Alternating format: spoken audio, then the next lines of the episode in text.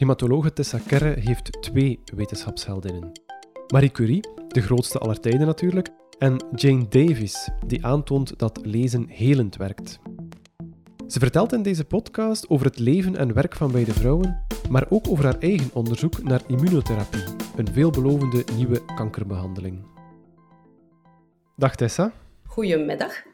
Je bent kliniekhoofd hematologie uh, aan het UZ Gent. Je bent gespecialiseerd in stamceltherapie en immunotherapie, een uh, veelbelovende nieuwe kankerbehandeling. Je verscheen in het programma Topdokters en je communiceert graag en duidelijk over je onderzoek, zowel over het maatschappelijk belang ervan als met je patiënten. Dat is een hele boterham, zeg ik dat juist? Ja, absoluut. Uh, heel juist. Dat is inderdaad een hele boterham. Hè.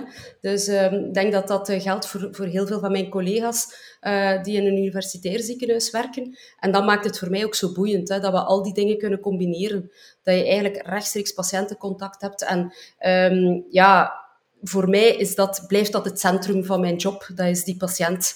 Um, maar ik, ik zou ook niet gelukkig worden als ik enkel puur kliniek zou kunnen doen. Enkel voor patiëntenzorg. Dus ik wil ook dat onderzoek doen. Ik, ik, ik voel dat uh, onderzoek um, een beetje het tegengewicht biedt um, tegen de, de frustratie waar, waar we verliezen nog veel te veel patiënten um, met onze huidige behandelingen. Ook al maken we enorm veel vooruitgang, toch zijn we er nog niet. En, en door zelf, een, al is het maar een klein steentje, te kunnen bijdragen aan onderzoek, aan nieuwe therapieën met minder bijwerkingen, dat biedt echt wel voor mij tegengewicht tegen die frustratie dat ik soms voel in de kliniek. Um, en dan ook ja, jonge mensen meehelpen opleiden. Um, ik, die houden mij jong, die studenten. Dus uh, zowel in het lesgeven als het, als het begeleiden tijdens de klinische praktijk. Tips en tricks meegeven. Niet alleen puur over de kliniek, maar ook over hoe ga je om met patiënten. Hoe, hoe, communiceer je met patiënten. En dan natuurlijk ook ja, die, dat contact met breed publiek. Dat is voor mij ook heel belangrijk. Omdat ik vind dat dat gewoon een iets is dat een verantwoordelijkheid is die je hebt als onderzoeker, als arts, om uh, met breed publiek uh, te communiceren over wat je mee bezig bent. En dat vind ik ook heel belangrijk. Dus dat zijn heel veel zaken samen, maar die maken het voor mij echt zo boeiend. En die komen allemaal heel mooi samen in de patiënt die centraal staat. Straks gaan we wat dieper in op al die zaken, maar ik wil eerst naar je wetenschapsheldin, of wetenschapsheldinnen in jouw geval, want ik vroeg naar je wetenschapsheldin en je zei, ik heb er eigenlijk twee. Misschien eerst de bekendste van de twee, Marie Curie. Uh, zij is misschien zelfs ook een van de bekendste wetenschappers aller tijden sowieso. Absoluut. Maar voor wie toch nog niet mee is, wie is Marie Curie, of wie was Marie Curie? Ja, Marie Curie is, uh, is heel bekend. Hè? Het is een, uh, een Poolse. Ze is geboren in Polen. Um, geboren uh, Maria Salomea Sklodowska. en, en ze heeft dus Curie, is, is eigenlijk ja, de naam van haar man, Pierre Curie. maar ze heeft ook altijd haar, haar Poolse geboortenaam behouden. En dat vind ik ook wel belangrijk. Um, ik vind dat je, dat je altijd jezelf blijft als vrouw. En dat je die achternaam van de man overnemen, ja, ben daar niet zo'n voorstander van eigenlijk. um, dus ik vind dat ook heel mooi dat ze, ondanks het feit dat dat heel lang geleden is, maar dat dat zeker nog niet de gewoonte was, dat ze ook haar geboortenaam altijd heeft behouden. Um, en ja, zij, zij uh, was eigenlijk scheikundige, natuurkunde, heeft ook wiskunde gestudeerd. Ze heeft heel veel studies en wetenschappen gecombineerd. En, en ze was eigenlijk ja, een, pionier op het vlak van de stralingsfysica, laat ons zeggen. Uh, met ook al veel uh, toepassingsgericht onderzoek eigenlijk. Hè. Um, ze, is, ze, heeft ook twee Nobelprijzen gewonnen um, in de scheikunde en de natuurkunde. Eentje gedeeld met Becquerel en, en Pierre Curie en eentje op haar eentje. Dus op, op heel jonge leeftijd eigenlijk ook. Hè. Dus, dus ja, haar, haar um, onderzoek is, is fantastisch geweest, is baanbrekend geweest op, op ja, zoveel vlakken. Um, ook, ook voor mijzelf, hè, als, als uh, hematoloog, uh, als onderzoeker, als kankerspecialist. Uh, zowel voor de beeldvorming is haar onderzoek heel belangrijk geweest, maar ook in de therapie, hè, dus de radiotherapie, een van toch onze ja, pilaren, laat ons zeggen, waarop dat we onze behandeling steunen in de hematologie en ook ruimer in de oncologie, ja, daar ligt zij van aan de basis. Dus het is toch wel een, een heel belangrijke wetenschapper geweest. Um, en, en waarom dan, ja, mijn, mijn wetenschapsheldin? Um, ik denk dat wij nu als vrouwelijke wetenschappers um, veel te danken hebben aan mensen zoals uh, Marie Curie. Omdat zij echt gevochten heeft om als vrouw aan wetenschap te kunnen doen. Um, ik heb zelf persoonlijk nooit de, gevoeld dat omdat ik een vrouw was, dat ik minder kon of minder kon bereiken. Dat glazen plafond waarover dat gesproken wordt, ik zelf persoonlijk heb dat nooit uh, gezien. Ik, ik ben ervan overtuigd dat sommigen dat wel zien. Dus ik wil niet zeggen dat dat niet bestaat. Absoluut niet. Maar zelf heb ik dat eigenlijk nooit ervaren. Um, maar dat is natuurlijk dankzij mensen zoals zij, die daarvoor gevochten hebben. Hè. Zij mocht bijvoorbeeld als vrouw, zij was een zeer getalenteerde jonge, jong meisje, hè, studeerde fantastisch. Dat was heel duidelijk dat zij heel veel in haar mars had. Maar zij mocht als vrouw in Polen geen hogere studies aangaan. Dat kun je nu niet voorstellen. Hè? Dat je zegt, ja, super, de eerste van uw jaar in het middelbaar, maar ja, sorry, bent een meisje, dus ja, je moogt geen hogere studies doen. Um, ze heeft dan uh, ja, eigenlijk bijna illegaal uh, in een avondschool uh, hogere studies gevolgd in Polen. maar ja, ook daar stoten ze eigenlijk al snel op, op, op, op een plafond. Um, en, en is ze dan eigenlijk um, naar Parijs verhuisd om daar aan de Sorbonne te studeren.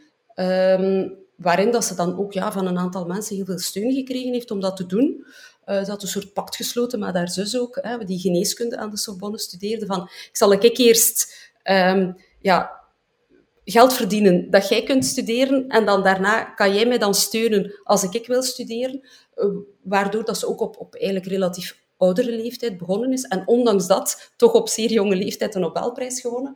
Dus het was echt wel ja, een, een topper. Hè? Dus ze, ze had niet alleen de brains, maar ook de guts, denk ik, om, om er te geraken.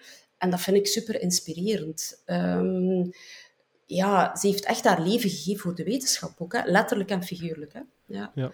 Um, dus ja, het, het, is denk ik voor mij de ultieme wetenschapsheldin. Um, er zijn heel veel wetenschapsheldinnen en het is niet dat ik geen mensen in België kon vinden of, eh, of, of recenter kon vinden, maar, maar als je haar levensloop bekijkt en wat dat zij allemaal gedaan heeft en welke um, ja, gevechten dat zij geleverd heeft om er te geraken, is dat echt wel een, een, een, ja, het summum van de wetenschapsheldin voor mij. Ja. ja.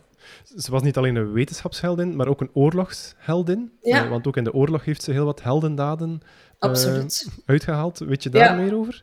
Ja, dus ze heeft eigenlijk in haar, um, ook uit haar onderzoek voortvloeiend, hè, um, besefte ze van oké, met die straling kan ik uh, diep gaan kijken in het lichaam van mensen. Hè. En uh, er waren natuurlijk in de oorlog heel veel uh, slachtoffers van ja, kogels, uiteraard. Die zaten overal. Ze konden die niet altijd gaan visualiseren. Um, en zij heeft dus eigenlijk van die mini-soort ambulancetjes gebouwd, waarin dat stralingstoestellen zaten, die dus eigenlijk de, de kogels konden visualiseren, waardoor dat de chirurgen aan het front beter konden de kogels te visualiseren en eruit konden halen. En uh, ja, ik vind dat ook een super mooie naam, de Petite Curie. Hè? Dus haar kleine um, wagentjes, en ze heeft er zo heel veel, hè? ik denk wel 150 of zo, als ik me goed herinner. Um, ze heeft ook al die mensen opgeleid, die ambulanciers slash uh, ja, halve radiologen eigenlijk. Um, dus dus allee, ook daarin is ze pionier. Niet alleen in haar onderzoek, maar gelijk dat ik daar juist ook zei, ze heeft het ook heel ver getrokken in de toepassingen. Je hebt heel veel onderzoekers die aan de basis van iets liggen, um, maar die dan ook bij die basis blijven. Maar zij zegt, je zegt van, oké, ik heb dit gevonden, ik kan dat toepassen, hè, en ik ga dat ook meteen doen. Dus ook daar heeft ze een, een ja, hoe moet ik het zeggen, een daadkracht en een moed getoond die, die onvoorstelbaar is. Um, en, en ja, ze heeft dan natuurlijk ook wel daar de gevolgen van gedragen. Zowel haar man, hè, Pierre Curie, die ja, niet rechtstreeks overleden is aan het onderzoek dat ze samen gedaan hebben, maar toch wel een beetje de gevolgen daarvan. Want het is eigenlijk, hij is overleden op, op uh, jonge leeftijd. Ik denk uh, zo oud als dat ik nu ben, 48. Um, ehm, dus hij, had ook echt uh, botletsels ten gevolge van die, die, die ja, stralingsmateriaal, die uh, polonium en uranium, waar dat ze continu, en, en radium, radium was denk ik, ja, waar dat ze continu onderzoek op deden. Zij liepen ook continu rond met zo staven in hun zakken en zo. Dat was echt onvoorstelbaar. gevaarlijk ook. Hè. Ehm, en um, ze, um, dus hij had letsels in zijn, in zijn botten daarvan. Dus hij mankte. En hij is eigenlijk bij het oversteken van de straat gestruikeld. Er is een auto over hem. Hij kon niet rechtkomen en hij was op slag dood. Dus onrechtstreeks is hij ook eigenlijk overleden aan het onderzoek. En dan Marie Curie zelf is op wat oudere leeftijd, uh, gelukkig, ook overleden aan ja, de, de, wat dat je leest is niet helemaal duidelijk. Sommigen zeggen leukemie, anderen zeggen aplastische anemie. Alleszins, haar beenmerg werkte niet meer. Um, en ik vermoed dat het eerder aplastische anemie was, als het echt een leeg beenmerg was. Maar dat is eigenlijk ja, uh, complicaties die we ook gezien hebben na de, de atoombom. Um, in Hiroshima bijvoorbeeld zijn er ook heel veel kinderen uh, hebben leukemie ontwikkeld, hebben aplastische anemie. Dat wil zeggen, eigenlijk, een beenmerg dat stopt met werken. Dus dat is gewoon kapotgestraald. Dus ook weer ja, die radiotherapie, dat kon heel veel oplossen, maar dat had ook wel veel bijwerkingen. Zeker in de weinig gesofisticeerde vorm dat dat in het begin had. En ja, ze heeft haarzelf eigenlijk continu bestraald, met alle gevolgen van dien. En ze is daar uiteindelijk dan ook aan overleden. Um, ja, wat dat mij misschien ook wel enorm inspireert aan Marie Curie, dat is zo... Uh, ze heeft bijvoorbeeld gezegd, um, wetenschappers zijn niet alleen technici, maar zijn ook kinderen die in het labo um, ja, kunnen spelen en kunnen ja, sprookjes beleven. En dat vind ik wel iets dat ik heel herkenbaar vind. Ook bijvoorbeeld ja, die, die, die straling. Ze, ze hebben daar heel lang naar gewerkt ook om die, die juiste uh, ja, producten te vinden. En dan op een bepaald moment zagen ze zo een hele zachte bijna sprookjesachtige straling. Hè? In, in, in, die shed, want ze hadden echt zo'n soort van barak, waarin dat ze dan in hun achtertuin hè, uh, werkten. Um, en heel vaak te vinden waren en ook hun, kinderen mee naartoe namen, want zij was dan heel jong eigenlijk weduwe. Dus zij, zij pakte haar kinderen dan mee in dat, in dat. Um, dus ook haar kinderen zijn daaraan blootgesteld geweest. Um, en dan dat, dat, hoe moet ik dat zeggen, dat pure, dat, dat, dat ver, verwonderlijke, die kinderlijke verwondering dat je als wetenschapper kan hebben, uh, dat vind ik fantastisch. En dat heb ik ook altijd proberen behouden in mijn onderzoek, um, die verwondering. Um, ook al is het op dit moment allemaal veel fancier, met veel meer toestellen en dingen, en is het niet zo meer dat pionier uh, dat zij echt was, hè, van, van nul beginnen en iets vinden. Nu is het je kunt ook iets vinden, maar het is allemaal eerder verfijnen en, en zo dat hele vroege ontdekken, dat is toch, dat is toch fantastisch. Hè? En de, het geluk dat je vindt als je in het onderzoek iets, iets kunt ontdekken, denk die highs. Je hebt ook heel veel lows in onderzoek, laat ons daarvan, uh, daar geen twijfel over bestaan. Maar de highs die je in onderzoek hebt, um, dat vind ik fantastisch. En, en dat vond ik ook heel mooi, dat zij dat ook altijd heeft behouden. Uh, die verwondering om, om in wetenschap dingen te ontdekken. Ja. Is er een zodanige inspiratie dat je soms denkt van ik moet zijn zoals Marie Curie? Want ze zit net zoals jij ook in aan, de, aan fundamenteel onderzoek, mhm. toepassingen, die verwondering, al die zaken? Of zit dat sowieso wel in je? Um, wel, ik, ik heb dat altijd wel heel, heel sterk gehad. En ik kan denk ik niet zeggen van, ah, dat is door Marie Curie. Ik, ik moet wel zeggen, als je mij die vraag stelde van wie is wetenschapsheldin, dacht ik, ga ja, ik dacht onmiddellijk aan Marie Curie, maar ik dacht, gewoon misschien is dat te... Ja, iedereen gaat dat zeggen. Hè? Eh, want die is zo een, een, een, een icoon, laat ons zeggen. Dus ze is wel misschien ook een stuk onbewust wel altijd een inspiratie geweest. Maar dat is wel ook iets dat ik altijd heel belangrijk gevonden heb. Dat is enerzijds Um, ik wou echt onderzoek doen. Ik wou dokter worden, maar ik wou echt ook onderzoek doen. Dus onmiddellijk na mijn afstuderen, ook al vond ik het verschrikkelijk dat ik die patiënten dan even moest in de steek laten, bij wijze van spreken, um, wou ik echt fundamenteel onderzoek doen en mij begraven in onderzoek. Um, en dan zit je even ver van de patiënt, als je echt fundamenteel bezig bent. en dan voelde ik ook wel Um, als ik dan ging specialiseren daarna, waar dat ik weer even dan een deel uit dat onderzoek gegaan ben, want dan moet je ja, fulltime dokter weer zijn. En dan voelde van, ah, je wordt weer getrokken naar dat onderzoek, en, en, maar je wilt die patiënt niet, niet, niet uit het oog verliezen, je wilt die ook nog vasthouden. En dan voelde meer en meer die drang om toegepast onderzoek te doen. Van, ik wil mijn kennis van dat fundamenteel onderzoek gebruiken, maar nu moet het wel directer van toepassing zijn voor patiënten. Um, en ik denk, dat is wel iets dat ik altijd aanraad als mensen bij mij komen, zou ik onderzoek doen. dat ik zeg, als je de kans hebt om fundamenteel onderzoek te doen, doe dat dan. En doe dat zo snel mogelijk. Want van het moment dat je in de kliniek bent, gaat je die drang voelen om onderzoek te doen dat rechtstreeks van toepassing is voor patiënten. En uh, fundamenteel onderzoek is zo belangrijk. En dat is iets dat, dat je eigenlijk vooral in het begin doet. Alleen er zijn onderzoekers die, die niet in de kliniek staan en die altijd gaan zo leven fundamenteel onderzoek doen. Maar als je een arts bent die met patiënten wil bezig zijn, dan is het ook zo fantastisch om in het begin echt in de diepte fundamenteel onderzoek te doen. En dat is wat Marie Curie ook zei. Um, fundamenteel onderzoek, um, als je direct begint met toepassingen in je hoofd, dan ga je soms bepaalde grote ontdekkingen missen. Omdat je al aan iets denkt, je hebt al een bias, hebt al een beetje, je zit al in een richting.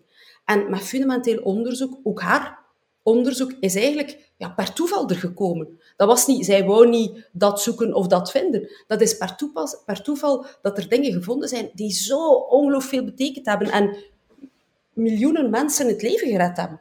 Of nog veel meer. Um, dus, dus dat fundamentele is wel belangrijk, maar ik merk wel nu ook dat, dat, dat ik voel, het moet wat meer toepassing kennen. En effectief, bijvoorbeeld die, die immunotherapie, waar ik nu ook onderzoek naar doe, dan merk ik wel ook, dat is voor een stuk, zit dat echt op die, op die grens van fundamenteel en direct al toegepast. We zitten echt aan, het, aan, een, aan een nieuwe, een totaal nieuw iets. En dat is wel fantastisch om mee te mogen maken. Oké, eh, dat is een, een, mooie, misschien een mooie conclusie om naar de volgende heldin te gaan. Ja. Uh, het is iemand, ik moet eerlijk zijn, ik kende ze niet. Het gaat mhm. over Jane Davis. Wie is Jane Davis? Uh, Jane Davis is eigenlijk een, een, een, vrouw uit iets ouder dan ik, uit Liverpool, een vijftiger. Um, en zij heeft eigenlijk ook wel een zeer inspirerende levensloop, vind ik persoonlijk. Uh, vandaar dat ik haar gekozen heb. Um, zij is eigenlijk um, ja, geboren in Liverpool uit een zeer arm gezin. Dus haar vader um, heeft eigenlijk heel snel, die was heel snel out of the picture. En haar moeder, um, die was haar vader ook, maar, maar die verdween, uh, ik denk dat ze maar twee jaar was als zij, als zij verdween uit haar leven. En haar uh, mama, die heeft altijd, is zwaar uh, alcoholgebruiker geweest. Um, en zij zat dus in diepe armoede en zij was eigenlijk bijna voorbeschikt om ook ja, een beetje diezelfde weg op te gaan. Uh, niet veel kansen, niet veel ontsnappingsmogelijkheden. Hè. Zoals dat helaas vaak gebeurt. Dat de klei waaruit dat ontstaat u vaak wel meetrekt. Zo. Zij is daaruit ontsnapt en zij, achter de hoek was er een bibliotheek. En daar ging ze vaak zitten, om te ontsnappen aan de miserie van thuis. Um, ze was zeer verstandig ook. En ze is beginnen lezen, lezen, lezen. En daardoor natuurlijk ook die literatuur heeft, heeft haar eigenlijk uit die klei getrokken. En um, ze is uiteindelijk ook literatuur gaan studeren. Um, en ze heeft, denk ik, 15 jaar is ze prof geweest aan de universiteit. Ze heeft dus ook wel uh, een mooie carrière gehad. Maar op een bepaald moment merkte ze van... Goh, ik kan door dat prof zijn, kan ik onvoldoende die literatuur uh, tot bij de mensen brengen. En wat dat literatuur voor mij betekend heeft, kan ik onvoldoende doorgeven. Want ja, hoeveel mensen studeren er maar literatuurwetenschap? Dat is maar een klein groepje. En bovendien had ze dan nog het gevoel, als uh, mensen afstuderen, dat er sommigen waren die zeiden oh, ben ik blij dat ik afgestudeerd ben, dan moet ik nooit meer een boek lezen.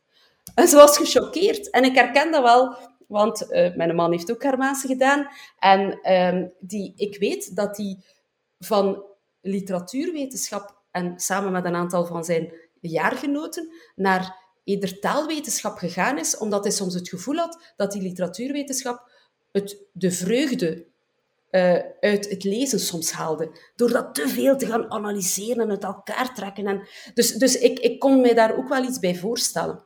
En um, dat is ook het gevoel had van, oh, ik moet hier zorgen dat, dat ik nog altijd graag boeken blijf lezen. Dat was, ik heb dat, ben dat begonnen omdat ik zo graag lees. En nu voel ik die vreugde precies een beetje weggaan. Dat, dat wil ik niet. En, en dat zag zij ook bij veel van haar studenten. En dan heeft zij gezegd, nee, dat wil ik eigenlijk niet. Dus ik wil meer die literatuur meer doen betekenen en mensen die, met die literatuur in contact laten komen die daar niet zo gemakkelijk mee in contact komen. En zo heeft ze eigenlijk uh, de Reader opgericht, een, een, een uh, organisatie die eigenlijk wereldwijd heel veel weerklank heeft gevonden en nu ja, in heel veel landen, ook in Vlaanderen bijvoorbeeld, bestaat het Lezerscollectief.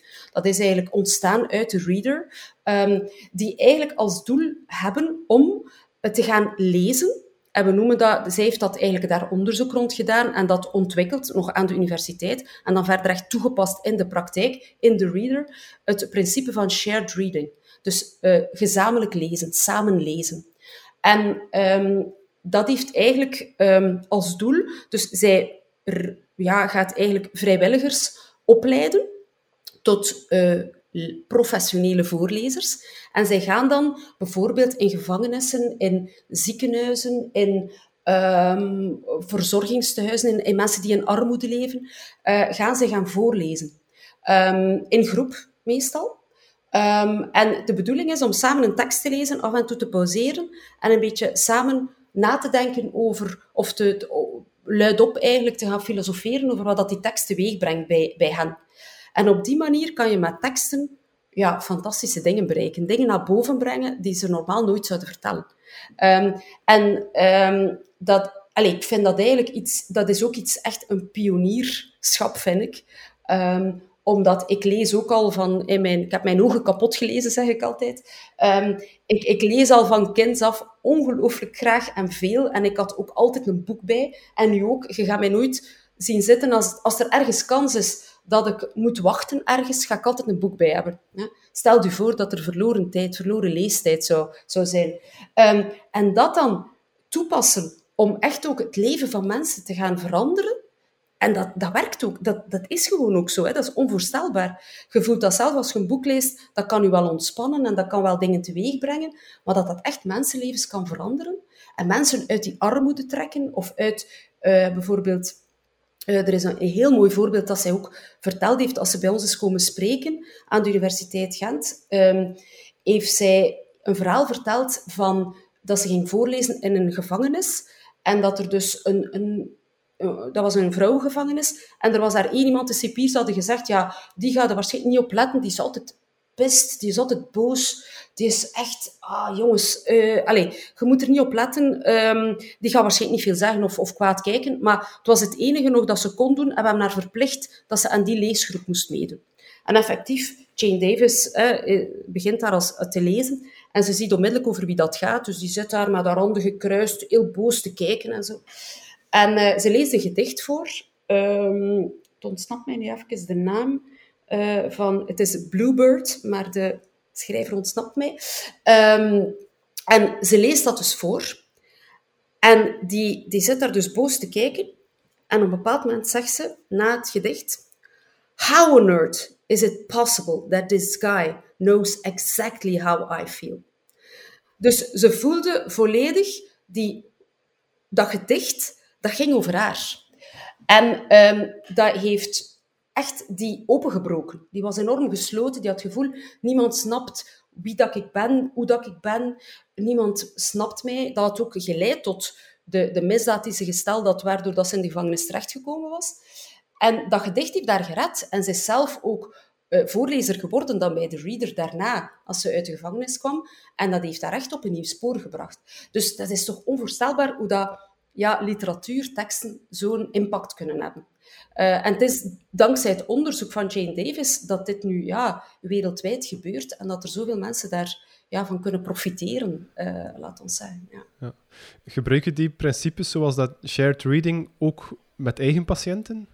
Uh, ja, wij hebben um, eigenlijk geïnspireerd door uh, Jane Davis en door de mensen van het Lezerscollectief, ook in samenwerking met onze collega's van literatuurwetenschap, um, hebben wij een, een, onderzoeksproject aan, de, aan de, het UZ Gent, UGent opgericht, uh, ondertussen een tweetal jaar geleden, waar dat we eigenlijk een twintigtal studenten van de faculteit Geneeskunde en Gezondheidswetenschappen, die in hun later beroep contact gingen hebben met patiënten, uh, gekoppeld aan uh, 20 patiënten die op oncologie en op hematologie in behandeling waren voor een kwaadaardige ziekte.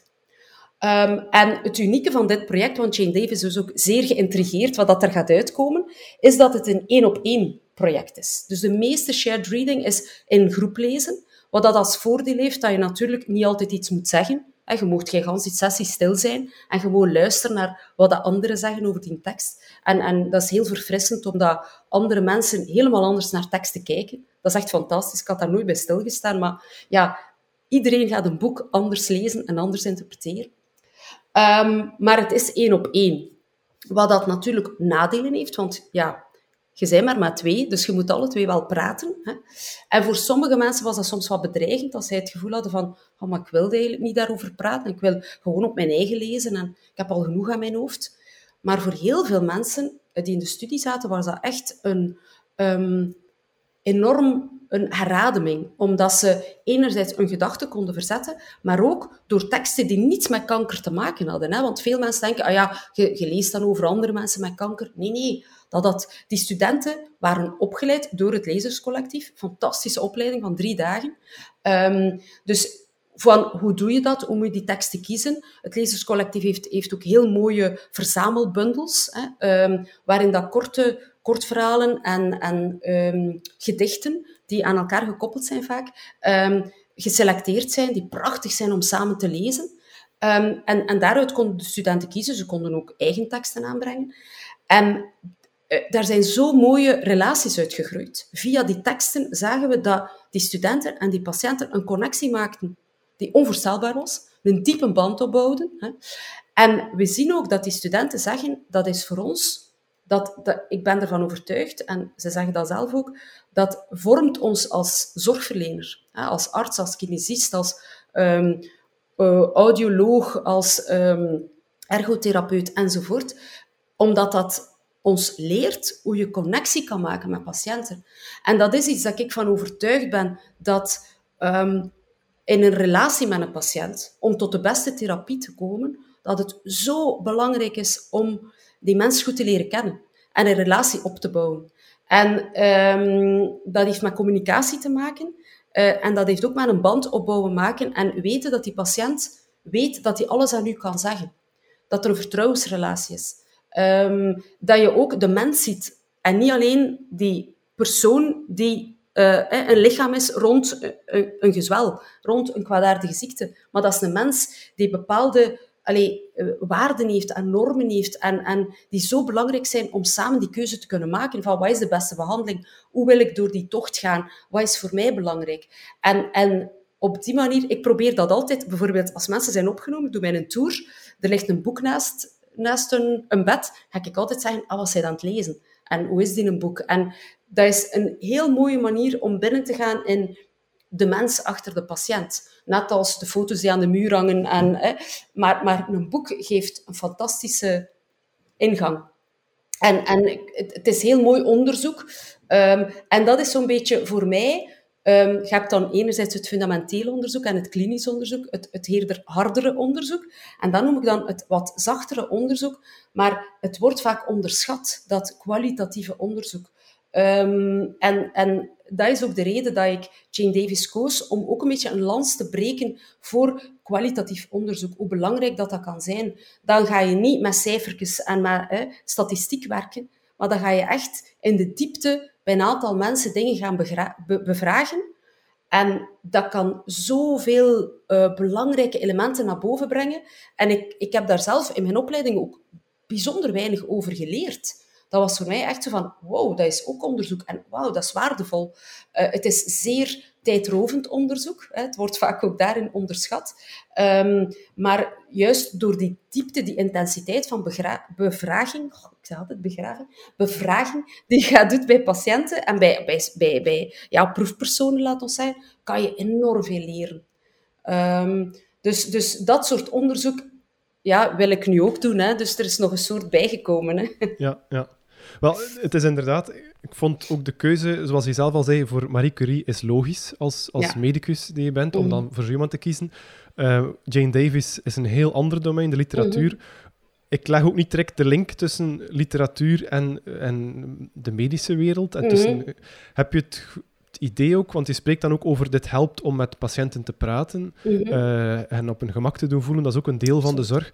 Ja. Heb je het gevoel dan dat dat nu veel te veel ontbreekt. Dat het gefocust is op het medische en dat, dat de patiënt meer een, een, ja, een onderwerp wordt dan een, een, een mens. Ik denk dat we dat, we dat moeten bewaken, uh, dat dat niet gebeurt. Um, en ik denk dat we daar, dat daar wel in de evolutie van onze gezondheidszorg en ook van het, um, het, de digitalisering van de zorg, de apps, de, uh, uh, het, het, het, binnenkomen in een ziekenhuis, je moet je scannen, je moet identiteitskaart insteken enzovoort. Um, het ja, minder persoonlijk maken van zorg. Um, en eh, ik heb soms patiënten die bij mij binnenkomen die zeggen ik ben blij dat jij, dat jij nog zit en dat geen uh, computer is die er zit. Dat is natuurlijk overdreven, maar we moeten dat bewaken. Um, en ik ben ervan overtuigd dat er bepaalde elementen uh, door um, algoritmen, door de wetenschap dat wij kunnen uh, en dan bedoel ik eerder wiskundige modellen en statistische modellen en, en ja, informatica, uh, bioinformatica enzovoort, dat wij enorm kunnen gesteund worden daardoor. Maar dat we moeten bewaken dat, dat de zorg nog altijd het menselijk gelaat behoudt. En dat we de, de arts die op het bed van de patiënt gaat zitten en dingen communiceert van mens tot mens. Christa Brakke heeft daar trouwens een heel mooi boek over geschreven. Dat noemt Van mens tot mens. Over die menselijkheid in de zorg. Dat we dat niet mogen vergeten. En ik denk, ik ben ervan overtuigd zelfs, dat een arts die boeken leest, dat dat een beter arts is. Of dat je een beter arts kan worden door boeken te lezen. Omdat als je boeken leest, dan gaat je, zonder dat je daar enige moeite voor moet doen, ga je je verplaatsen in die hoofdpersoon. Of misschien een, een, een, een zijpersonage. Hè. Um, maar je verplaatst je daarin. En je denkt, ah tja, zo had ik dat nog niet bekeken. En je moet daar helemaal geen moeite voor doen, maar dat vergemakkelijkt het wel om je beter te kunnen inleven in je patiënten. En te begrijpen waarom dat zij die of die therapie verkiezen of zeggen, nu stopt het voor mij. Of um, dat zie ik helemaal niet zitten. Of ik heb die pillen niet genomen. Hoe heb ik die pillen niet genomen? Ik heb je toch gezegd dat dat de beste pillen zijn? Ja, maar ja, waarom heb je die pillen niet genomen? En als je die mens kent, dan, en, en ook het empathisch vermogen van artsen om, en van andere zorgverleners, niet alleen van artsen, um, verhoogd door boeken te lezen, ben ik van overtuigd. En langs de andere kant ben ik er ook van overtuigd dat um, kunst en cultuur, en literatuur is daar maar één van de zaken van, ook muziek, beeldende kunsten, dat dat echt zo belangrijk kan zijn om dat te incorporeren in de zorg. En daar ben ik zo blij dat we in Tuzet, die warme zorg, waar dat wij als UZ Gent voor staan, dat dat uh, ook um, ja, enorm ondersteund wordt. En, en ben ik heel trots dat we een, een fonds hebben kunnen oprichten eind vorig jaar. Um, en dat onze um, verse prinses Delphine van Saxen-Coburg haar naam daaraan gegeven heeft. Hè. Dus die eigenlijk um, met als doel heeft om fondsen te verzamelen om juist die helende kracht van kunst in de zorg te stimuleren. En ik vind het fantastisch. Ik krijg continu mails en berichten en telefoons van mensen die daar ook mee bezig zijn en die, daar, die dat fantastisch vinden dat er zo'n initiatief komt. En, en een van de zaken die, waardoor dat eigenlijk het fonds ontstaan is, dat was eigenlijk omdat ik een, idee had van, um, we noemen dat de culturele jukebox, um, om een soort van room service van kunst en cultuur aan bed in het UZ Gent te brengen. Dat eigenlijk patiënten van op hun kamer kunnen zeggen, oké, vrijwilligers bieden diensten aan, hè, muziek, uh, voorlezen, uh, iets, iets samen schilderen, whatever, alles is mogelijk. En patiënten kunnen als het ware dat aan bed bestellen hè, van op een digitaal platform. Dat is iets wat we zouden willen ontwikkelen. En daarvoor hebben we natuurlijk centjes nodig. En daarvoor is dat fonds er gekomen. Maar dat fonds is veel meer. Hè. Dus we krijgen van allerlei kanten input. Uh, dus dat is fantastisch. Daar gaan heel mooie initiatieven uitkomen. En ik ben daarvan overtuigd dat dat enorm veel kan betekenen voor patiënten. Mhm. Dus dat er veel meer is in de zorg dan puur dat medische. Um, dus ja, helemaal van overtuigd. En onderzoek toont het aan, dus voilà. Ja, ja, lijkt mij inderdaad een fantastisch initiatief. Nog een ander initiatief. Uh, je zet ook graag in op inhoudelijke communicatie, mm -hmm. uh, over uh, therapieën bijvoorbeeld. Ja. Zo heb je ook een motion comic, een soort tekenfilm ontwikkeld mm -hmm. om immunotherapie uit te leggen aan patiënten. Ja. Wat kan ik me daar precies bij voorstellen? Ja, Immunoté is een, is een uh, ja, motion comic, dus eigenlijk een bewegende strip. Uh, het is niet zo heel bewegend, laat ons zeggen. Het is nog relatief statisch. Maar mensen kunnen eigenlijk op eigen ritme van de ene prent naar de andere gaan. En af en toe zit er wat beweging in. Het is ook met muziek. Um, het is interactief ook, dus je kan ook terugkeren. Uh, je kan sneller vooruit gaan als je het al allemaal kent. Um, maar het is vooral een heel visuele manier om complexe materie uit te leggen. En ik voelde dat eigenlijk, ik denk ondertussen ja, iets meer dan drie jaar geleden, heb het uh, voorgesteld uh, ter gelegenheid van um, ehm, 200 jaar UGent. En ik, ik, ik had toen die, die noodzaak, of ik voelde die noodzaak, dat, omdat ik voelde dat, dat ik die immunotherapie onvoldoende goed kon uitleggen aan patiënten. Ik maak altijd tekeningetjes. Ik vind het heel belangrijk dat mensen begrijpen wat dat we willen uitleggen, omdat mensen moeten beslissen over een therapie en ze moeten dat kunnen begrijpen. Um, en, als je dat zo, hè, vroeger natuurlijk, we komen van de, de arts, die meestal was dat dan nog meneer dokter, hè, uh, dat is ook al lang niet meer zo, maar die van op het podium zei, zo gaan we het doen. En de patiënt snapte er niets van, maar dacht, ja oké, ja dokter, we gaan dat zo doen, hè dokter. Um, nu gaan we ook weer een shared decision, hè, we gaan samen beslissen welke therapie dat de beste is, maar dan moet die patiënt het ook wel begrijpen, want anders kunnen die beslissing niet samen nemen. Die moet ook vragen kunnen stellen van, oké, hoe zit dat en dat in? En dan moet hij dat ook wel snappen. En het is, immunotherapie bij uitstek is wel een, een therapie die heel complex is, die eigenlijk gebaseerd is op het, de werking van ons immuunsysteem. En ja, daar is niet de basiskennis bij de gemiddelde uh, mens of de gemiddelde patiënt aanwezig. En dan helpt zo'n visueel iets uh, heel eenvoudig om het uit te leggen. En we zien ook dat ik kan dat heel eenvoudig uitleggen. En dan zeggen patiënten, oh ja, ik heb dat, ik heb dat vrij goed uitgelegd, ik snap dat volledig, maar vraag mij niet om het te herhalen. Maar dat wil zeggen dat ze eigenlijk de kennis onvoldoende diep is om op basis daarvan beslissingen te nemen. Want dat is juist iets, als je het goed begrijpt, dan moet het ook kunnen doorzeggen en kunnen uitleggen. Um, en ik wou die diepte van kennis kunnen bereiken bij mijn patiënten. En daarom heb ik Immunité ontwikkeld. Niet alleen voor mij natuurlijk, maar oh, het is internationaal, het is in zes talen beschikbaar. Ik zou willen dat artsen wereldwijd het gebruiken. Het is ook gratis uh, ter beschikking op, van op de website. Dus hoe meer mensen het gebruiken, hoe beter. Um, en je creëert een soort beeldtaal, heel eenvoudige beeldtaal, die mensen supergoed begrijpen en waar dat je van vertrekt om de rest dan te bespreken. Um, en immunotherapie heeft als bijkomend ja, probleem, laat ons zeggen, dat eigenlijk veel mensen het als te positief zien. Hè. Dus door de pers wordt immunotherapie meestal als ja, de oplossing voor alles enzovoort, geen bijwerkingen. En, en mensen horen het immunotherapie en ze gaan onmiddellijk zeggen, ja, dat wil ik.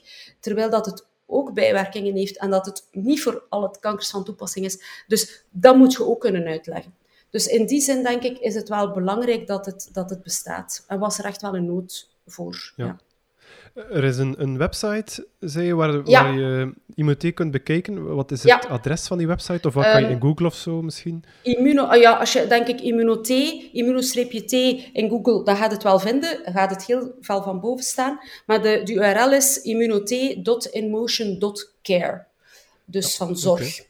Um, en vandaar kan je eigenlijk de motion comic op uh, iPad, uh, ook op uh, smartphone. iPad is iets gemakkelijker, of, of tablet, omdat het iets groter is. Dat je het iets beter ziet, maar op een grotere smartphone kan je het ook gemakkelijk bekijken. Op PC kan het ook, maar het is een heel zwaar bestand. En de ervaring leert dat sommige browsers en sommige oudere computers het, het moeilijk ondersteunen en dat het vaak fout loopt. Wat ik zeer erg vind, want ik weet dat niet iedereen een iPad heeft en ik weet dat niet iedereen een smartphone heeft. Maar um, ik wou het echt voor iedereen ter beschikking... Allez, zo goed mogelijk van toepassing laten, maar um, helaas blijkt het uh, op de PC toch niet altijd zo gemakkelijk. Um, maar blijkbaar is het onoverkomelijk omdat het zo'n zwaar bestand is.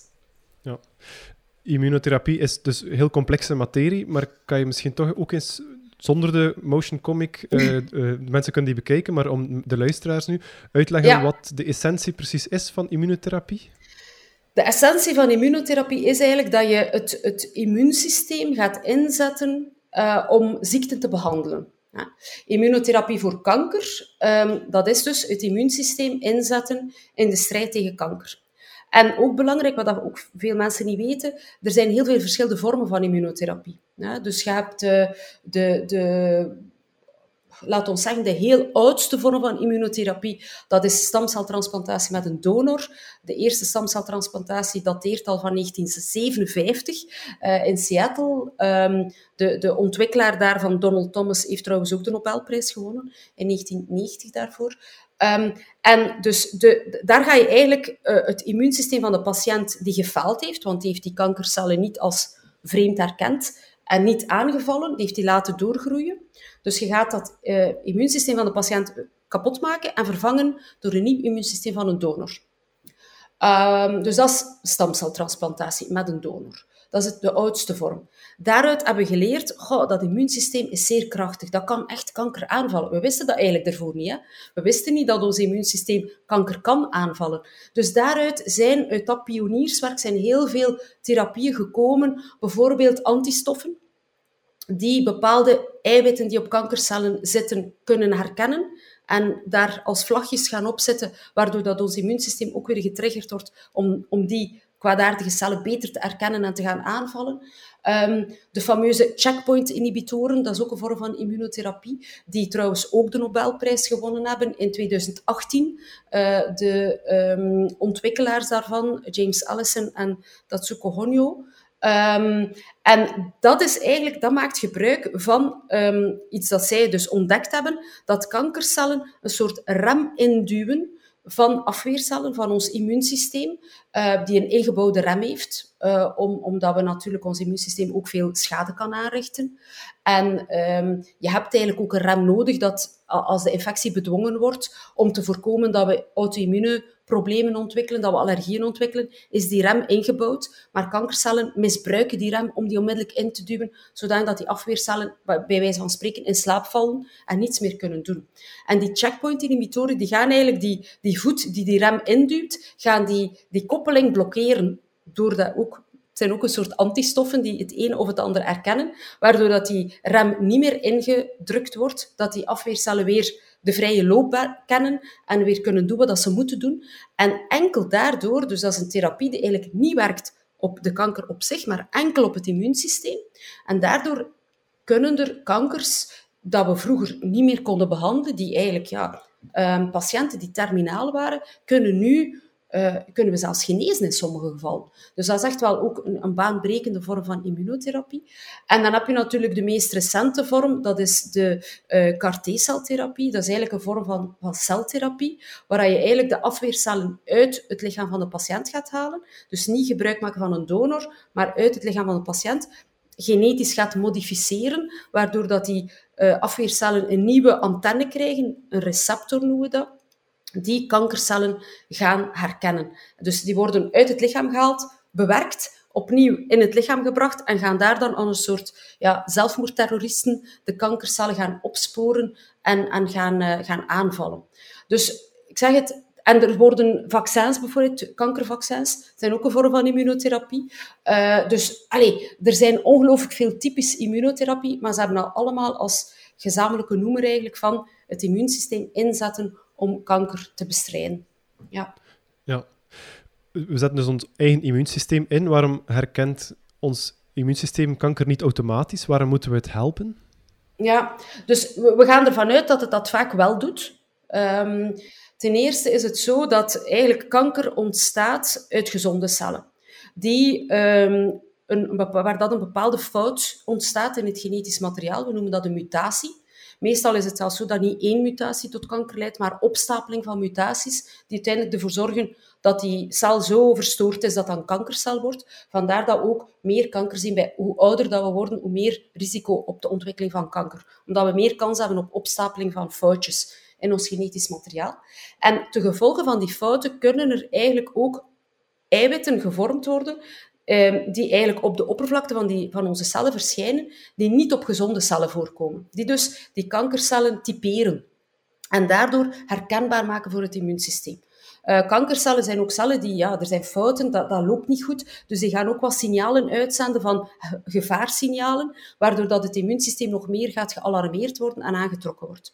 En die combinatie van die twee dingen zorgt ervoor dat ons immuunsysteem heel vaak in de loop van ons leven kleine haartjes van begin de kankercellen gaat erkennen en kan doden.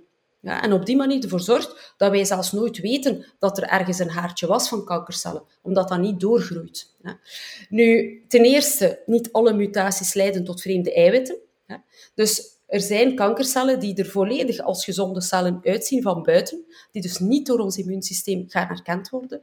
Sommige kankercellen gaan ook onder invloed van die aanval van het immuunsysteem zeggen van oei, dat was hier niet de bedoeling, dat ik kapot gemaakt word, en die gaan die eiwitten naar binnen klappen, waardoor dat die dus niet meer getoond worden en dat ze ontsnappen aan die aanvallen van het immuunsysteem. Um, en bijvoorbeeld, zoals ik daarnet ook zei, kankercellen kunnen stoffen, elementen, cellen aantrekken die juist die afweer gaan onderdrukken. Uh, het, uh, we noemen dat eigenlijk het, het, het milieu van in een kankercel, als je in een tumor gaat kruipen, dat milieu is zeer vijandig voor ons afweersysteem. Dus um, allerlei uh, oplosbare stofjes en cellen die die afweercellen gaan onderdrukken. En dus onder andere ook die rem gaan induwen. Um, dus kankercellen gaan bepaalde eiwitten op hun oppervlak tonen, die eigenlijk rechtstreeks gaan binden met die rem aan het oppervlak van, van de afweercellen. Dus dat zijn allemaal manieren waarop dat kankercellen kunnen ontsnappen. Um, dat is een actief ontsnappen aan het immuunsysteem. Maar natuurlijk hebben we ook natuurlijk een probleem. Het is een soort evenwicht. En het kan ook zijn, omdat ons afweersysteem gewoon niet goed werkt, dat het de kanker gaat laten ontsnappen. Hè.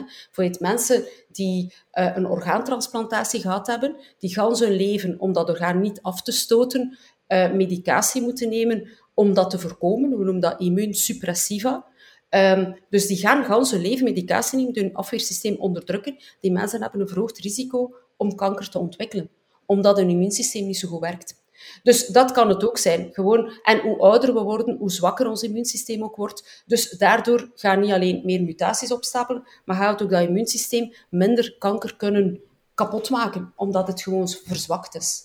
Ja. ja. Is het realistisch dat immunotherapie, dat dit onderzoek zo evolueert dat we vaccins ontwikkelen om ons op termijn tegen allerlei kankers te gaan vaccineren, waardoor ze uitsterven? Um, wie weet, we kunnen dat eigenlijk al voor sommige kankers. Hè. Dus bijvoorbeeld um, het humaan papillomavirus is een virus dat baarmoederhalskanker veroorzaakt. Hè. En er bestaat een vaccin tegen dat humaan papillomavirus. Dus op dit moment um, worden alle meisjes, want het is een virus dat seksueel wordt overgedragen, um, worden alle meisjes en nu ook alle jongens, als een soort haardimmuniteit, want zij kunnen ook het virus doorgeven, worden gevaccineerd liefst voor, dus op de leeftijd van 12 jaar, denk ik, 12, 13 jaar, uh, dus voor ze seksueel actief zijn, uh, worden zij gevaccineerd, waardoor zij dat virus niet meer kunnen besmet worden met het virus en dat virus dus ook geen kanker kan veroorzaken. Dus op die manier zijn we ervan overtuigd dat we op termijn, als die meisjes die nu worden gevaccineerd, dat die veel minder baarmoederhalskanker gaan ontwikkelen dan dat um, mensen van mijn generatie die nooit gevaccineerd geweest zijn, um, of ouderen baarmoederhalskanker kunnen ontwikkelen. Dus, dus dat is bijvoorbeeld dan een kanker die je um, grotendeels, niet volledig, maar grotendeels kan voorkomen door te vaccineren tegen het virus dat die kanker kan veroorzaken. Natuurlijk zijn het niet altijd virussen die kanker veroorzaken. Hè. Er, er, zijn nog een aantal virussen die kanker kunnen veroorzaken, maar er zijn ook fouten die gewoon, uh, bijvoorbeeld leukemie, heel vaak is dat gewoon pech, een fout die ontstaat we weten vaak niet hoe dat komt. Straling, Marie Curie van in het begin, uh, kan leukemie veroorzaken. Uh, chemotherapie kan zelfs leukemie veroorzaken. Maar heel vaak weten we niet hoe het komt.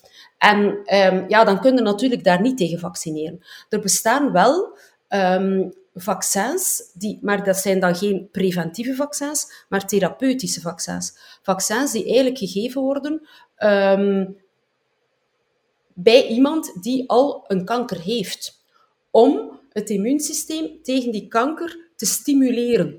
Um, en dat is eigenlijk een soort ja, personalized medicine noemen we dat dan, echt op maat gemaakt van de patiënt. Dus in het UZ Gent loopt ook zo'n studie um, die onder leiding van professor Vermalen, professor van de Kerkhoven, waar dat we um, eigenlijk voor longkanker gaan, die longtumor, daaruit eigenlijk gaan een aantal eiwitten gaan halen die specifiek zijn voor die patiënt zijn of haar longtumor. En dat we die gaan in een vaccin gieten. Uh, daaruit degene gaan selecteren die eigenlijk het meest, waarvan dat we het meest reactie van ons immuunsysteem verwachten. En dan gaan we die gaan vaccineren, um, met die patiënten gaan vaccineren met een voor hen op maat gemaakt vaccin. Met als bedoeling om hun immuunsysteem te gaan stimuleren daartegen. En dus die kankercellen ook te gaan aanvallen. Dus dat is bijvoorbeeld een... Maar dat is dan niet voorkomen, maar ja, genezen. Hè, in de, hopelijk. Ja, je zei ook al dat immunotherapie soms iets te positief wordt voorgesteld. Iets mhm. te veel als een, als een mirakeltherapie. Ja. Ehm, wat zijn dan nu nog, of hoe ver staat het nu dan? En wat zijn dan nog de, de eventuele gevaren of hindernissen die we nog moeten overwinnen? Um, ja, ik, ik denk uh, het belangrijkste is inderdaad dat we zeker niet voor alle um, kankers een vorm van immunotherapie hebben die van toepassing is. Omdat de meeste vormen van immunotherapie echt een bepaald eiwit gaan uh, een, als doelwit hebben. En je moet natuurlijk dan een eiwit hebben dat op die kankercellen voorkomt en niet op gezonde cellen. Want anders gaan die gezonde cellen ook gaan aanvallen. En dat is dus de grote uitdaging bij die vorm van immunotherapie die eiwitten gaan uh, aanvallen, zoals die CAR zoals antistoffen, hè, waar je toch zeer bijvoorbeeld bij die CAR-T-celtherapie ga je zeer krachtige cellen maken die een bepaald eiwit herkennen. Als dat op gezonde cellen zit, gaat die al die gezonde cellen ook kapot maken. Dus niet uh, te onderschatten. Bovendien zijn die zo krachtig, die cellen, dat die een enorme ontstekingsreactie kunnen veroorzaken, met als gevolg een beetje wat je hebt als je zeer ernstig ziek bent. We noemen dat sepsis. Uh, dat eigenlijk je bloeddruk naar beneden gaat, dat je geen zuurstofopname meer voldoende kunt doen, ondanks het feit dat je echt heel veel zuurstof aan die mensen geeft, dat ze dus moeten beademd worden, op intensieve zorgen terechtkomen. Dus die kunnen zeer zware reacties veroorzaken. Um, het ook zien we bijvoorbeeld voor um, vaste tumoren, dat door dat milieu dat zo onderdrukkend is voor het immuunsysteem, dat ook al geven we daar fantastisch krachtige cellen, dat die ook, eens dat ze ter plaatse komen, volledig onderdrukt worden. Dus er zijn nog heel veel uitdagingen. Um, ook voor de checkpoint-inhibitoren, maar we, we blijven vooruit gaan maken. Hè. Dus ik ben ook zeer hoopvol. Ik wil zeker niet zeggen, we zijn er, maar ik ben wel zeer hoopvol dat we een enorme vooruitgang boeken. En als ik zie, uh, als ik begonnen ben als hematoloog en nu, dat is een dikke 15 jaar, dat is enorm hoeveel vooruitgang dat wij geboekt hebben binnen de hematologie, maar dezelfde vooruitgang is binnen de medische oncologie geboekt voor de vaste tumoren. Dat is echt onvoorstelbaar. Dus ik ben zeer hoopvol dat we ook binnen immunotherapie, maar ook andere vormen van doelgerichte therapie, therapieën aan het ontwikkelen zijn met minder bijwerkingen en die efficiënter zijn dan de behandelingen die we nu geven. Dus ik ben zeer hoopvol, absoluut. Ja. Je, je bent dus op zoek naar nieuwe manieren om, om kanker te mhm. bestrijden, uit te roeien. Je helpt nu al patiënten om, om kanker uh, te overwinnen. je, mhm. je hebt veel aandacht voor het sociale, voor, het, voor uh, om een gesprek met de patiënt. Dat zijn eigenlijk allemaal uh, checks, als ik het zo mag zeggen, om mhm. een, misschien een wetenschapsheldin genoemd te mogen worden. Heb je, het is misschien een rare vraag, maar vind je jezelf ook een wetenschapsheldin? Goh, Um, eigenlijk niet. Hè. Datzelfde als dat epitheton topdokter, hè. dat geraakte ook niet meer kwijt. Hè. Dat blijft zo aan u hangen. Ik heb dat daar ook altijd een beetje moeilijk mee gehad, omdat je zo... Ja, als dat programma dan op de, op de televisie komt, dan wordt plots iemand die ja, door een aantal, veel, veel mensen zelfs, bekend wordt. Um, en dan krijg je een soort heldenstatus. En ik heb het altijd heel moeilijk gevonden om daarmee om te gaan.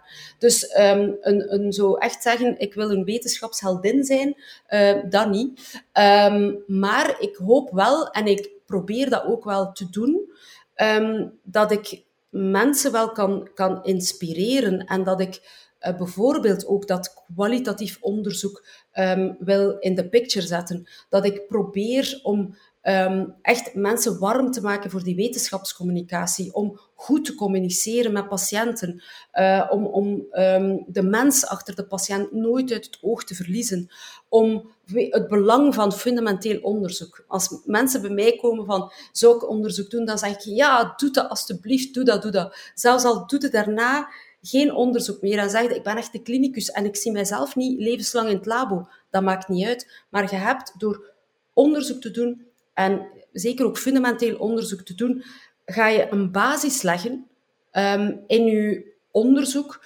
uh, en, en je manier van denken ook, die ze nooit meer kunnen afpakken. Die bij het lezen van elk artikel, over wat het ook gaat, je een diepte van inzicht geeft die, die, ja, die je op geen enkele andere manier kunt bereiken. En dat is echt fantastisch. Dus, um, en dat hoop ik wel, dat ik dat kan... Um, die, die een aantal mensen inspireren om dat te doen. En ook, denk ik, um, want die zijn ook een beetje met uitsterven bedreigd, net mensen die al die dingen doen. En het is natuurlijk wel zo dat als je heel veel dingen combineert, dat ik kan niet op dezelfde manier onderzoek doen, hoe graag dat ik dat ook zou willen, als iemand die alleen maar onderzoek doet. Dat gaat niet. Ik kan niet evenveel publicaties, ik kan niet evenveel projecten binnenhalen, ik kan niet even uh, sterk in de diepte gaan of een even grote onderzoeksgroep uitbouwen. Ook al zou ik dat fantastisch vinden. Um, maar ik vind wel dat er nood is aan mensen die en onderzoek doen en in de kliniek staan, met beide voeten in die praktijk staan en ook die verschillende types van onderzoek doen en bezig zijn met wetenschapscommunicatie, omdat die linken leggen zo belangrijk zijn. En ik, ik heb gelukkig uh, geen, geen groot ego. En ik vind het bijvoorbeeld veel belangrijker dat ik, omdat ik al die dingen ken, dat ik mensen kan raadgeven, adviseren uh, ik heb bijvoorbeeld uh, drie jaar lang in, in het bestuur gezeten, of dus de steering committee uh, lid geweest van het CRIG, het Cancer Research Institute Gent. En daar hebben we van die, geven geld aan, aan jonge onderzoekers om hem een soort van proof of concept te laten ontwikkelen, waardoor dat ze meer kans hebben om grote projecten binnen te halen. En daar heb ik het altijd fantastisch gevonden, omdat ik zowel bij de fundamenteel onderzoekers kon zeggen, kijk, moesten die en die stalen een keer bekijken. Of moesten naar die patiëntengroep gaan. Daar is een enorme nood aan. Dat is veel belangrijker dan die waar we eigenlijk al heel ver staan. Of bijvoorbeeld bij de klinici zeggen, ga een keer gaan spreken met die fundamenteel onderzoeker. Die kan u enorm steunen in wat jij wilt bereiken en u versterken. En die connecties, dat gaat mij geen artikels opleveren. Hè. Ik wil, dat is ook niet nodig. Maar ik vind dat, daar kan ik kijk, wel heel veel betekenen voor die mensen. Um, en voor het onderzoek. En het onderzoek vooruit helpen. Net doordat ik in al die dingen wel een poot heb en mee bezig ben. Um, en ik vind, uh, onze rector, Rick van de Wallen, heeft gezegd, jij bent een generalist. Ik had van die termen nog niet gehoord. En hij zegt, ja, die zijn inderdaad wel een beetje met uitsterven bedreigd. Um, en dat is ook iets dat ik probeer um, te... We proberen ook aan, aan, de UGent te zeggen van... En ik vind dat heel belangrijk, en dat vindt ook weerklank in andere universiteiten, van probeer um, uw talenten te ontwikkelen. En iedereen heeft andere talenten. En eh, klassiek, hè, een prof aan de UNIF, die moet excelleren in onderzoek, in onderwijs en in maatschappelijke dienstverlening. Hè. En heel vaak is nog dat onderzoek als de belangrijkste wordt, als de belangrijkste poot gezien. Maar soms is het talent dat je juist al die verschillende dingen kunt combineren. Hè? En dat vind ik heel belangrijk, dat je talenten van mensen kunt identificeren en hen daar ook laten in bloeien. En um, dat is ook wel iets dat ik probeer te doen dan als, als mentor, zowel van studenten, doctoraatstudenten, als, als uh, jongere stafleden bijvoorbeeld. Hè, van um, probeer je talenten te vinden. Waar zijde jij goed in en wat doe je graag? En probeer dan als team die talenten te laten ontwikkelen in die mensen. En niemand te forceren in iets waar dat hij niet goed in is of zich niet goed bij voelt. En dat dat wel belangrijk is. Dus daar probeer ik inspirerend te zijn. Maar een heldin moet je mij niet noemen, nee. maar het is toch een, ook een hele mooie, inspirerende oproep naar uh, jonge onderzoekers. Uh, niet alleen, maar ook naar promotoren en, zelfs rectoren mhm. die dit mogelijk moeten maken om zo, uh, mm. zo te kunnen ja. onderzoek doen. Um, Graag we moeten bijna eh, afsluiten. Um, maar uh, ik wil je nog vragen, we hebben het over literatuur gehad en over de, de kracht van, de, van het lezen. Maar ik heb je nog niet naar je favoriete boeken gevraagd.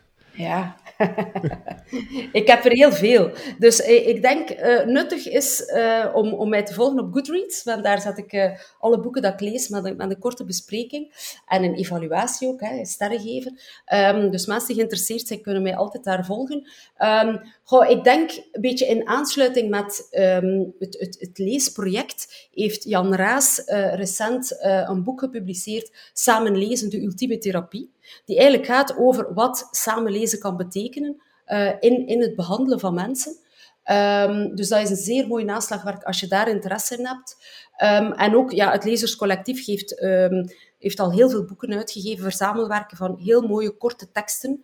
Uh, bijvoorbeeld, um, mijn ouders hebben daardoor het samen lezen ontdekt, wat ik fantastisch vind. Dus mijn vader leest een tekst voor aan mijn moeder en ze spreken daar dan wel over en omgekeerd. Dus ik vind dat fantastisch. Uh, dus ik, ik denk dan, koop die boeken en lees met twee of drie samen thuis. Lijkt mij echt geweldig. Dan mijn oerboeken, laat ons zeggen, dat zijn de boeken waar ik als uh, jonge, jong meisje al zot van was en nog altijd van ben. Um, en dat is bijvoorbeeld 100 jaar eenzaamheid van Gabriel Garcia Marquez en de, de um, dagboeken van Konstantin Postovsky. Um, geweldige, geweldige boeken. En ik heb ze onlangs alle twee uh, voor belezen wetenschappers herlezen. Dat is iets dat ik vroeger dacht dat ik nooit wou doen. Ik dacht, wie herleest er nu een boek? Er zijn zoveel boeken dat een mens moet lezen op zijn leven, in zijn leven. Er komen altijd maar nieuwe boeken bij. Dat is toch puur tijdverlies? Nee, het is geen tijdverlies. Echte boeken die belangrijk geweest zijn, die je jeugd gekleurd hebben, herlees die. Ze gaan helemaal anders zijn op volwassen leeftijd. Dus uh, echt, echt fantastisch om te doen. Dus zeker de fantastische boeken uit de jeugd herlezen. En dan jeugdboeken. Uh, ik denk, ja, twee schrijvers die onmiddellijk in mij opkomen en, en wel ook wat helden van mij zijn, zijn Bart Moejaert en Guus Kuijer. Uh, gans hun uiveren is, uh, is fantastisch. Um, en, en dat zijn jeugdboeken, maar denk ik, die je als volwassene ook nog uh, zeer goed kunt lezen en veel uit kunt leren. En dan iets ja, recentere boeken die, die, die mij geïnspireerd hebben, zijn um, De Onzichtbaren van Roy Jacobsen, um, Bult van Marieke de Marie, um, Onuitgesproken van Michel van Doeselare, over het, het, een acteur die zijn, zijn stem en zijn spraak verliest. Ongelooflijk ontroerend, tranen met uiten, ge, geweend bij het lezen. En dan uh, ja, Normal People en Conversations with Friends van Sally Rooney, ook bijzonder graag gelezen. En um, Lauren Groff, Fates and Furies, uh, is ook een van mijn toppers van de voorbije, voorbije jaar en een half, denk ik zo. Dus uh, ja, je hebt het, mij, je hebt het gevraagd, hè? dus voilà, ja, ja. hier heb je een hoop. En ik kan nog even doorgaan, maar ik denk dat ons dat misschien dan te ver zou leiden. Ja, dat is inderdaad heel veel leesvoer. Ik vind dat ze ja. dringend moeten vragen bij Winteruur, het literatuurprogramma. Ah, ja, ja, ja, zo graag niet. Ja, ja, geef dus, me maar uh, door. dus uh, moest er iemand aan het luisteren zijn van het productiehuis, zeker doen. ik wil je bedanken voor het heel boeiende gesprek. Met veel plezier. Uh, en ik wil jullie luisteraars ook bedanken voor het luisteren. Vond je het interessant? Deel deze podcast gerust met iedereen die het wil horen. Luister zeker ook naar onze andere afleveringen over wetenschapsheldinnen. Je blijft sowieso op de hoogte van onze podcasts via onze website www.eoswetenschap.eu. Tot een volgende keer.